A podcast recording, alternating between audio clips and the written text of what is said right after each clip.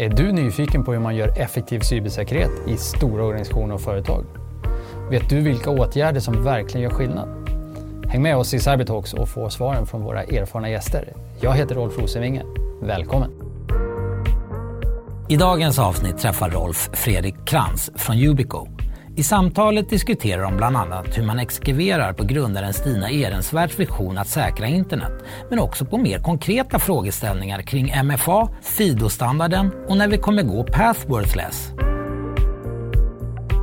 Hi, and welcome to a new episode of the Cyber Talks podcast. Uh, we're taping this today here in Stockholm. Uh, we're going to do it in English because we have, I think, an, a quite international audience for this episode. But first of all, welcome to today's guest, uh, Fredrik Krantz from Yubico. You're head of Europe, I think. I'm head of sales for Europe, Middle East, Africa, and Asia, so that little area outside of the Americas. I got it. So it's the full EMEA. It is so really cool to have you here. I've uh, been looking forward to this. Um, and for many reasons. First of all, because I've been following Yubico for uh, for a number of years, and I think a lot of the listeners has too. Um, I think what you know, obviously, what you guys are doing is super cool. I'm sure we will have a uh, chance to talk about that also in terms of you know Swedish. Uh, startup scale up moving to uh, to Silicon Valley expanding you know, business to become really global in a very you know, interesting segment of the cyber industry as such. Um, so there, there are many cool things to talk about. But maybe first of all, just a, a quick introduction to you, head of sales. But uh, can you give us share a little bit background where sure. you're coming from, current role, yeah, previous I, experience? Absolutely, yeah. I, I'm, I used to be a consultant. I used to say that I was a consultant. I was in management consulting for quite a long time, and uh, I spent um, before Yubico. I spent 12, 12 years at Ericsson, uh, working with their consulting, their management consulting organization, predominantly in Asia. So I was I was uh, seven years in, in, Southeast Asia, followed by by four years in China. Uh, of course, uh, meeting all these operators in, in Japan, in, in China, in, in Korea, and and all around the world, uh, security becomes one of those things that always come up. Is how do we secure our telecom networks? How do we make sure that we comply with regulations? And so that was really my first interaction with security i would say uh, customers saying to me that we need help. And we need help to to figure out how we secure the networks and how we how we work with security as a, as a whole in our companies then uh, fast forward a few years and I come back to Sweden. I spend a couple of years at Ericsson and then I leave Ericsson uh, and I come across Yubico uh, I, I, did know Yubico before. I, I, I, know a few people who work there.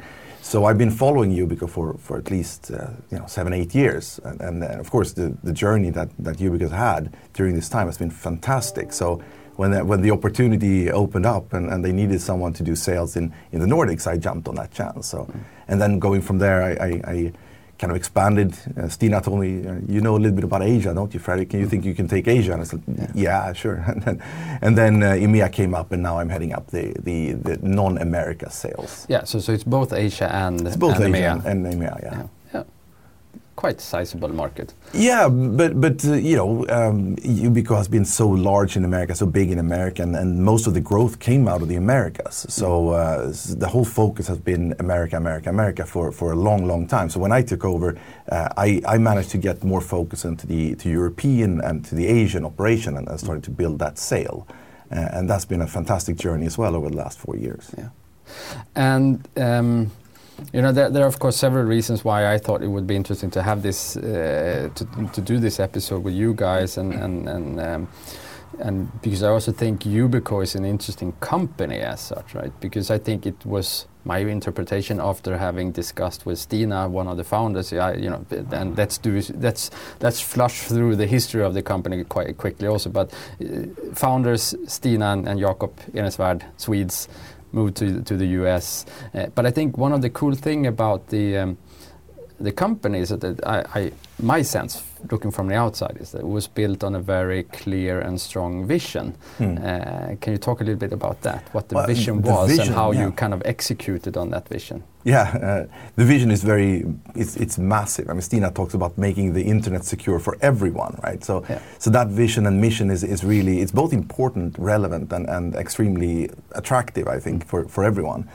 Um, but, but I think it started a little bit smaller than that. It started with Jakob saying that security is, is, is important and, and security systems have been around for a long time. But they're usually quite complex and it's not that easy to use them. So the, the, um, the challenge is to have security and usability. Uh, and that's where I think Jakob first saw the, the opportunity, right? How do we build something that's both secure and user friendly?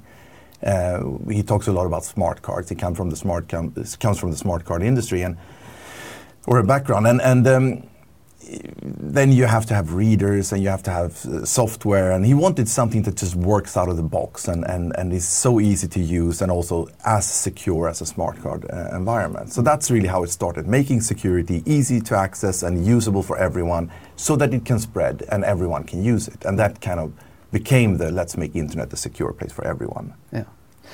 Which I think is really cool. Uh, and uh, and quite gutsy mm. for, for a startup to frame such a vision. Uh, but on the other hand, I, I, I, think about this way, you know, if, if you don't aim for the stars, how are you ever going to get there? So, yeah. uh, but I also think one of the cool things about it is also the fact that what you just talked about, the ability to implement high level advanced security, but with user friendliness front and center. Mm. And I think it goes back to the old paradigm that the best security is actually the security implemented uh, and used.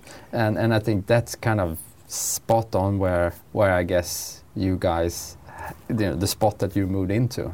Yeah, we, we, I, I, I, was at Ericsson, right? So, so every time I had, I turned on my laptop, I had to do first the, the encryption. I have to have a password for the encryption. Then I go into the to the uh, to Windows and I log on to the network and I have to have a password for that and then I have to reset that password every three months and it cannot be the same password as I had before. So, you know, for for for most people who are not so security sensitive, it becomes Fredrik one mm. and then next month Fredrik two and then Fredrik three and. And, and you're not giving away any secrets now. No, so. no, no. I, I, didn't use Fredrik one, two, three, but yeah. but that's that's what happens, right? Yeah. And you have to have two passwords, and they they what happens basically is that if you manage to have a secure password on both sides, both mm. the log in, in, in, the network, then at some point you're going to forget the password. Yeah. What happens? You call IT, secure, uh, IT support, and mm. then you get your password reset and you're back on. But mm. that happens to everyone all the time. Eh, you know, the, the, the, the, joke was when everybody got back from vacations, they had to call IT support to, to mm. get their password reset. So I may have done that too. Yeah, yeah I may have done that too. So, uh, it, and it's it's very costly. So this is security implemented. This is security used, mm. but it's also security um, bypassed by simple passwords and. Mm.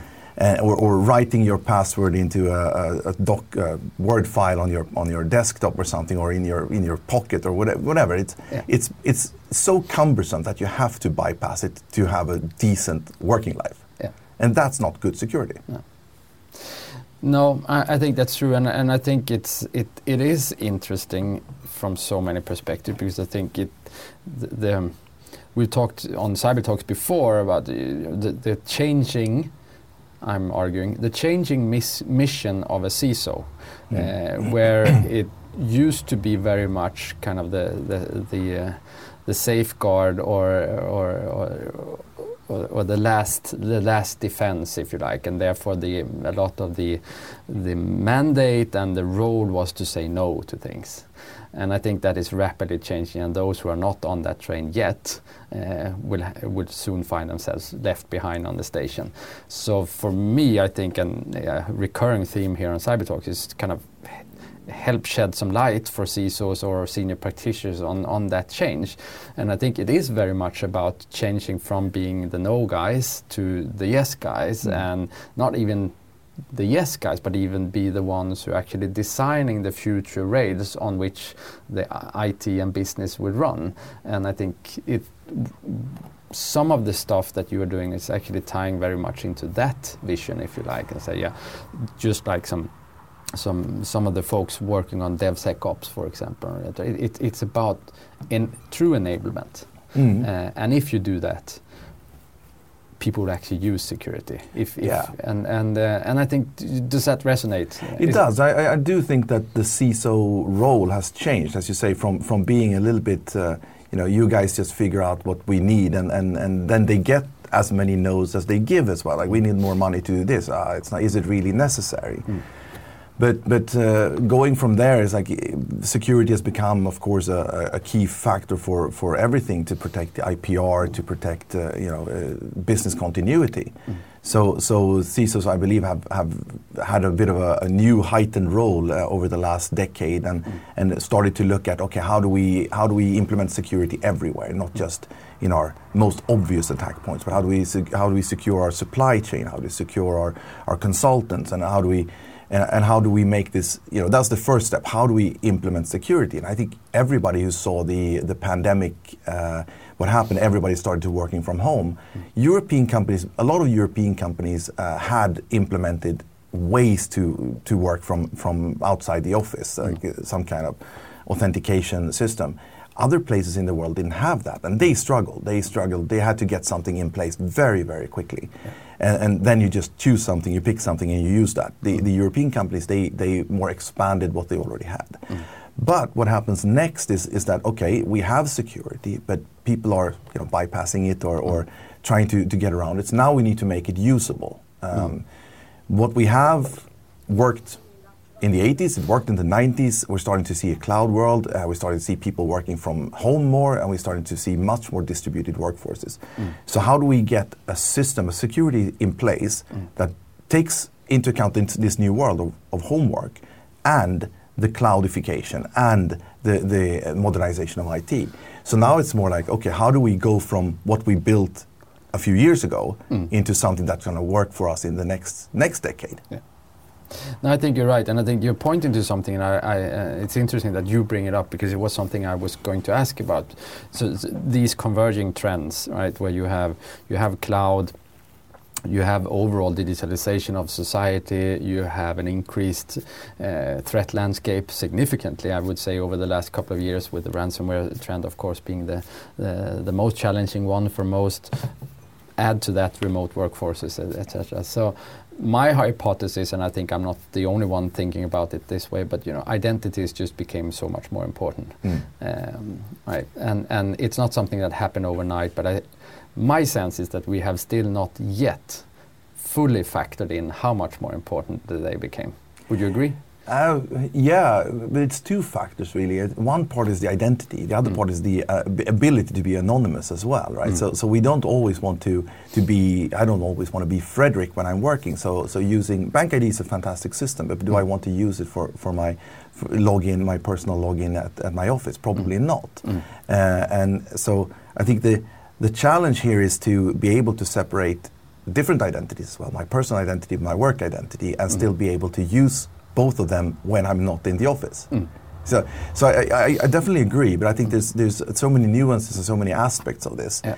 Um, in the past, you know, it was enough for an off, for for a company to secure the office. You know, nobody can come in unless they have an access card, or and then when they're inside, they, they, they have access to all the the, the, the assets of the company. But but now it's, it's not now everybody's traveling, everybody's sitting at home. Uh, you know, there are there are third party people accessing company assets from outside. So uh, there are many more identities that need to be catered for inside the companies, uh, and and they also have to be secure. So yeah, yes and yes. yeah, no, I think that's a good differentiation, and and I think what you're pointing at is kind of the the, the, the, final and fundamental argument that the perimeter as a, as a st security strategy is kind of dead. Not saying that everybody should abandon their firewalls and all, the, all those things, of course not. But you know, as the primary or sole strategy, I think we can conclude it's yeah. it's more or less dead. Uh, yeah, maybe. I, I think, but to me, this is also about um, seeing every potential logon, like every identity, mm. as a potential threat as well, because mm. every identity that has access to to um, to assets can be an attack vector. Uh, so, you know, I, I think I think we're going to have to spend a lot more time in figuring out how to use identities and how to how to use authentication to yeah. make sure that everybody gets access to the right things and, and securely. But yeah, uh, it, it's um, it's a developing world, I think. It is, but and kind of then boiling down what we just talked about of identities and taking it to the next step and, and you know one of the of course key themes when having you uh, you here today is then multi-factor authentication for yes. example so it's a and can you talk a so, or if I phrase it, how how do you talk about it? How do you convey your message Mm. in on, in terms of what uh, why MSA, MFA is important, how you do it, and why you know where it should be implemented, and Uh, the, the first step, step is just to say it has to be implemented everywhere and everyone has to use it. Uh, but but you you know it's it's a little bit of a dry subject. It's like okay, so you log in everywhere, but you have your password and your, your username, and, and uh, you might not think that you have anything to protect outside of that. So why should I use multi-factor authentication as an individual? But um, it's a bit uh, maybe using the analogy of, of moving into a new apartment. Mm. Uh, you, you, you buy a new apartment and you move into it. And uh, if you don't change the locks, uh, you have the key to the, to the door, uh, but you don't know who else does. Mm. That's how I see a password today because you've had you've had you you, you logged on to a hundred web hundreds of web pages uh, in in your life and you have used the same password for 80 of them. I mean I'm not saying I am, but obviously no. that's how people many people do it. Yeah. So at some point, LinkedIn or, or Facebook or anything is going to get hacked. Uh, someone's going to have your password. That means that they have the key to your door, mm. and you don't know that they have the key to your door. So just keeping the lock on your newly bought apartment is not a good idea because anyone could have that lock. So mm. what you do is when you when you buy a new apartment, you change the locks. Mm. Then you only you have the key, right? So that's a little bit uh, how I see multi-factor authentication. You change the locks, you add another upper lock that only you have access to. You never give that out. That means that you can be always be sure that nobody gets into your apartment. And that's a little bit how I see MFA. You know, you you um, you have to assume that everybody has your password. If it's only password and username, then someone's going to have your password. That means that they can access your your assets. Yeah, and I think it's it's this is pretty fundamental, of course, and I think most most listeners will get this. But um, so why is it so hard? Well, it's hard because it's it's uh, it's difficult to use. Uh, you know, there are, and there are many different systems. You have SMSs, uh, which is uh, better than nothing, but not very good. It's easy to to hack. Uh, you have one-time passwords, which you can have app, apps for, which is also better than SMS probably, but uh, still easy to to fool you. I mean, the the weakest link is is the individual. It's like tricking someone to give out their password tricking someone to give out their one-time password isn't very complicated and you don't need to be a very advanced hacker to do that so those are better than nothing but they're still not secure if you want to in a company you don't want to rely on if you have 120,000 employees. You don't want to have 120,000 potential security breaches right? So that's why you have to have something that's more secure. And then we go into to smart cards and and uh, and, and FIDO uh, that we've been been driving. Um, and and uh, for smart cards you need readers you need uh, it doesn't work for all all types of, of devices. So it's got its limitations. And in the new world where everyone is using their mobile phones more uh, how do you use smart card on a mobile phone uh, there are people who don't have their own mobile phones or their own computers like the, all of the healthcare system usually share computers so so how do you work with smart cards if you don't have a reader so it, there are so many different complexities in this so while you do need MFA, everybody needs MFA. You have to make MFA both secure and easy to use. And again, that's where the YubiKey comes in. Uh, we, we've, I think we've really perfected that that position. Yeah. And um, you, you mentioned the FIDO Alliance, and, I think that may be also a good, um, yeah, a, good reason to kind of just loop loop through that because I think there are some interesting work being done under that. Can you talk about wh- what it is, why it came to, and, what are the primary objectives of uh, uh, of the FIDO Alliance? Yeah, well, I, then maybe go back a little bit. When, when Jakob and, and Stina started the Yubico, uh, one of the ambitions was to create a new standard for, for, uh, for a secure but easy to use uh, multi-factor authentication. So um, part of that was working with Google. And they started doing that uh, around 2009, 2010, uh, and, and creating something that became a standard by, by Google implementing support for FIDO or for U2F into mm. their Chrome browser. Then it started becoming closer to a standard. Mm. The standard goes on to FIDO, and the FIDO Alliance takes over and becomes a, an organization that drives this standardization that moves into to WebAuthn or FIDO 2. Mm. So it's, it's really about, uh, to me, it's about making the technology available to more by standardizing it. So you have W3C, you have FIDO Alliance, you have all these forces that, that, that drive this very secure standard into all the browsers, all the operating systems. A, a small company like Yubico can't do all of that work. I mean, we started the movement. We started uh, the U2F. We built the, the first, uh, the first uh, products and the first standard, and we've driven the standard. But to make that into uh, a worldwide standard, there has to be organizations, alliances, and, and, and companies backing this, and that's what's happening. And can you talk a little bit about, so all right, we are where we are, and, and but if we look a couple of years ahead, where, where are we moving? Both in terms of the broader uh, MFA or the standards or the, um, what are the key trends or movements that uh, when you look at where we are and where we're going? Well, first of all, we, we still, we're still in a password world. Mm. Right? And, and we're going to see password remain for, for quite some time. And we, we have smart cards developed in the 70s, and we have uh, one-time passwords. There's, there's still many different types of, of multi-factor authentication that coexist. Mm. And I can see that's going to continue. But with, with cloudification and with, with cloud uh, becoming much more important, companies moving their assets over to cloud, uh, I see that we will see FIDO2 become a a dominant standard like, like smart cards have in the past. Smart card is a secure standard, or a secure way of, of, of, of authenticating, and, and FIDO2 is, is the, you know, the modern uh, way of authentication. So mm. uh, we could always argue is there going to be a FIDO3 or you know, what's, what's next, but I, I still think we're in the early days of FIDO2. Mm. Uh, so it, what I would like to see, and what, I, what I'm seeing out with, with our customers, that the customers are or my customers are, are trying to move to a FIDO2 world. Mm. They're trying to to a FIDO2 infrastructure uh, because they can see that this is the future. This is what they need. This is going to give them strong security with easy easy use, mm. easy easy to use. So that's what they want to do. But they, you know, they're still in they're still in the 70s for some of their systems. So the, mm. some of their systems need some of the systems are mainframes. Some of their systems are are uh, one-time passwords. Some of their systems are locked behind proprietary uh, proprietary uh, authentication. So it's a journey.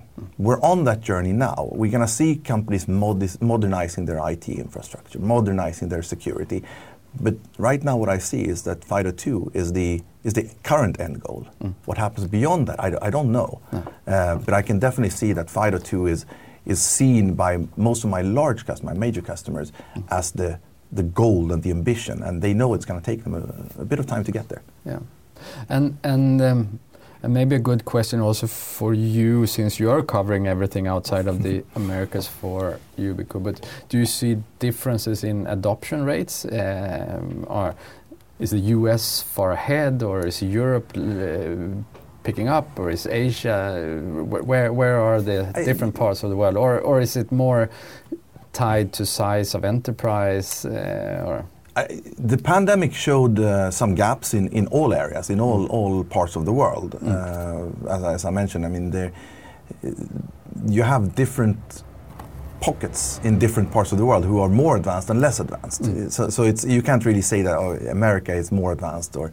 all of America is all advanced, but, or, or more, all of Asia is more advanced or all of mm. Europe is more advanced. But but we can see that um, there's a lot of leapfrogging going on. Mm. Uh, everyone who's uh, lagging a little bit behind, whether they're Americas or, or, or Asia, they try to get ahead and they mm. try to, to the, you don't go from, uh, from SMS to, to uh, one-time password now. You go from, from uh, you know, password and, and, and username to FIDO2. That's, mm. that's the journey that people are making. And people are really putting a lot of effort into making that happen, a lot, mm. of, uh, a lot of investments. Yeah.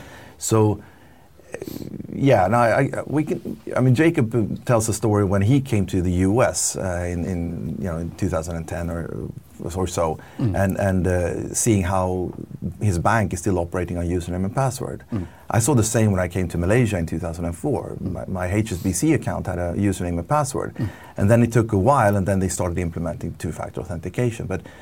Uh, Europe or Sweden has been quite advanced for a very long time, uh, but, but uh, I can see that a lot of the, a lot of, almost all companies have pockets where they need to improve. Mm. Uh, so it doesn't really matter whether in the Americas or, or in Asia.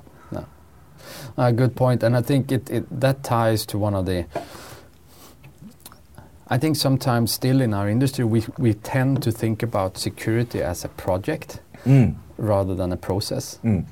right? Because uh, a project has a start and an end, Yeah. And we're never going to finish. there, there- is no finish. Uh, that, that's the unfortunate news for all the practitioners out there. You know, we don't have a finish line to cross. I- No. it- it's a continuous process. Yeah, it's a you know we, it's a it's a journey. It might be a little bit of a cliche, but it is a journey. And and uh, I can see that a lot of CISOs are starting to realize in the midst of that journey. They they started a journey maybe two years ago, and, and they're on that journey now. And all of a sudden things change.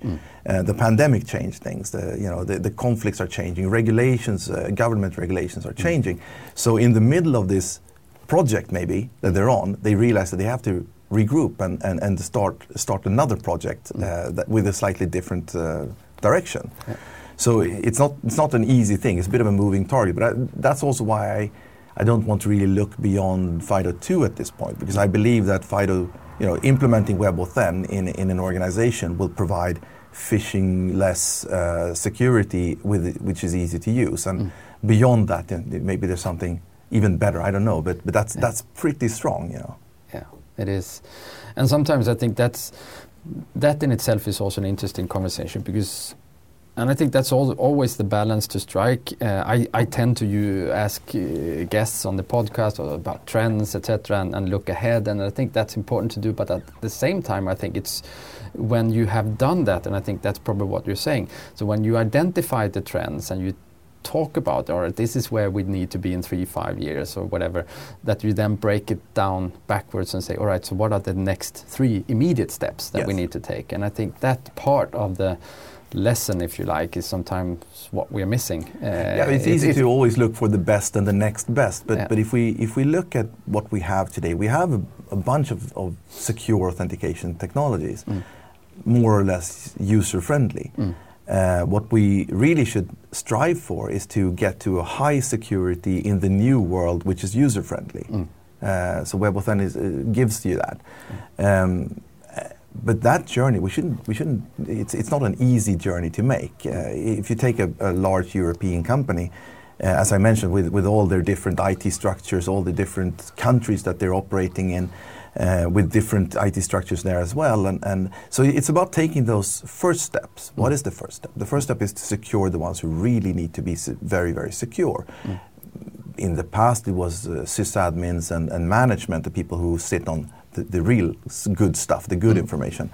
Um, but, but that's not really enough. Now, now we're talking about vulnerabilities in people working from home, in, in, in as I said, third party. Uh, so I think the, the, the concept of security has expanded to not just being the inner circle, uh, the, the, the, the 50 or 200 people in the company who really need to be protected. It needs to be all the 120,000 employees because every single employee could be tricked into clicking a phishing email or, or something. And, and then you have that problem started.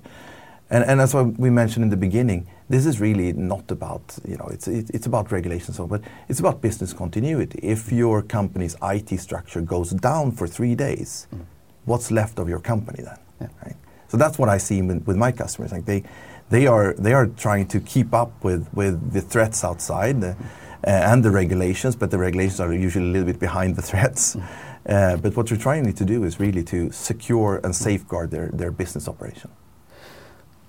I think that's that's an excellent comment because I think it highlights also a lot of the things that we tend to talk about here. Uh, and I talked earlier about the change in mission of the CISO, etc. And I think when you phrased it like, you know, we are actually here to do or enable business continuity, I think it's kind of hitting uh, hitting the nail. Because I think it is very much about that, and I think i if we, as sec- as a security community, more frequently thought about our mission that way, uh, I think it would help guide us sometimes in, in, in, in the uh, operational and tactical decisions that we are facing, whether we are a CISO or a senior security architect, etc. Because it is very much about that. And I think we talked about that earlier as well. Right? We have, you know, we have the overall digitalization of, of society and businesses. We have cloud, we have remote workforce, but, but we also have the, the, the change in the threat landscape. And in the middle of all those uh, intersections, we as a community need to deliver security, but not for the sake of security, but actually to exactly. and I think enable maybe, business continuity. Maybe that's the thing.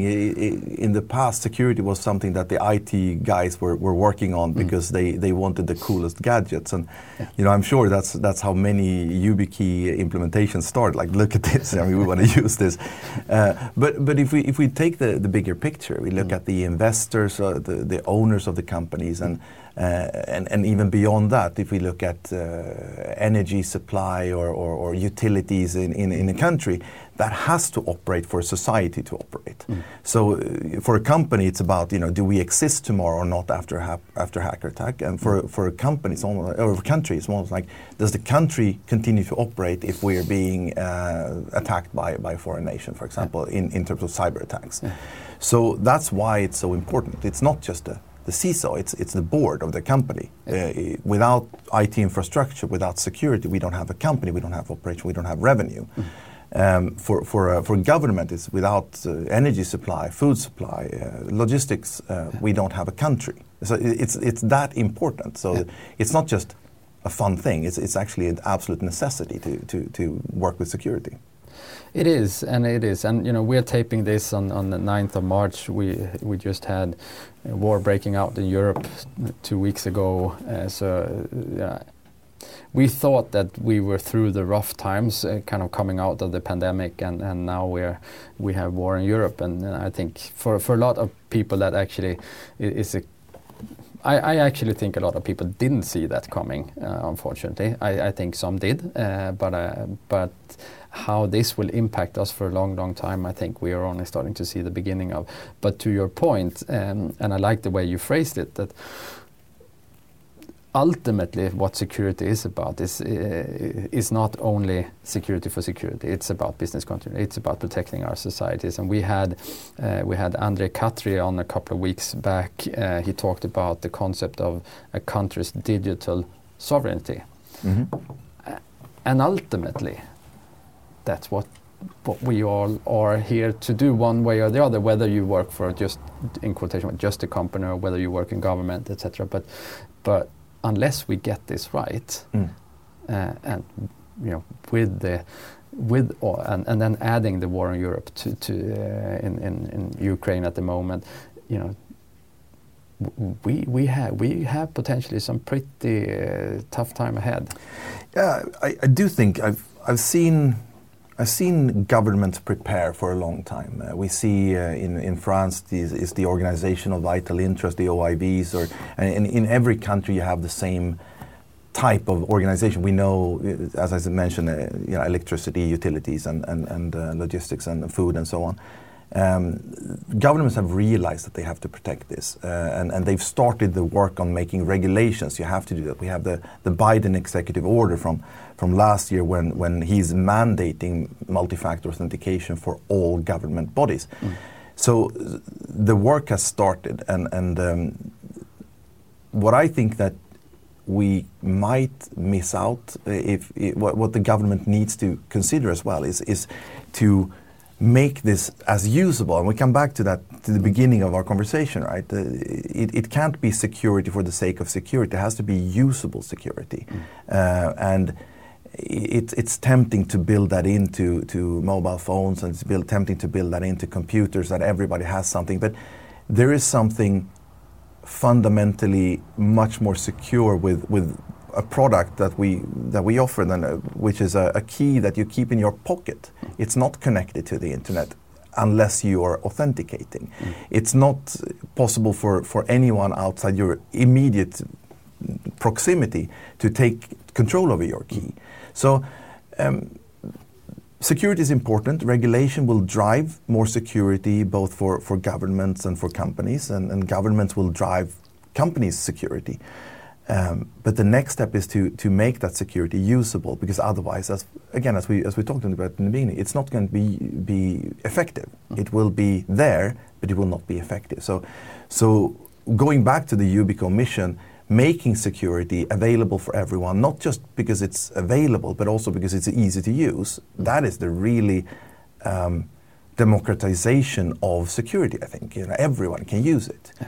Uh, I, I gave my, you know, I started at Yubico and I have the benefit of, of being able to to give my key, my, a key to my kids, right? And, and um, you know, what do they have to secure? I mean, but but look at look at the, the kids now. Mm. Uh, they have their identities on Instagram, or Facebook, maybe not Facebook, but Snapchat and, yeah. and what have you, and, and Twitter, and, and uh, being hacked as a young kid can also have pretty devastating consequences. Okay. So when when when we talk about security again, it's it's like all ages, uh, all all all all trades of life and all companies and all governments. It, it, can't be just that you have security here because it's obviously necessary. It's everybody needs security. I think that was an interesting, and maybe uh, we're moving into wrapping this, uh, but I really like the idea of, of giving, in, in your case, uh, the keys to, to your kids, right? Because yes, it can be devastating for, for, for a teenager to be hacked and, and have photos and whatever uh, floated on the internet. But of course, it's also about training and uh, training on the right behaviors. Yeah. It, it kind of you know, people tend to talk about security by design and default. You're actually doing that with your kids, right? That's that, that. I think that's a great idea. I think mm, I actually think more should pick that up. Maybe that's you know, in Sweden we tend to have the Christmas gift of the year, and it's a big thing in media, and, and so there we have it, right? So all school kids should have a, a security key. we can see see a lot of municipalities in Sweden are starting to look at how do we how do we get our kids to to log on securely, and many of them are, are starting to use YubiKeys, which is of course great for me as a sales guy. But but I, I, think the most important part here is that we're training a new generation of of, of uh, people, mm. a new generation, to be security conscious. Mm.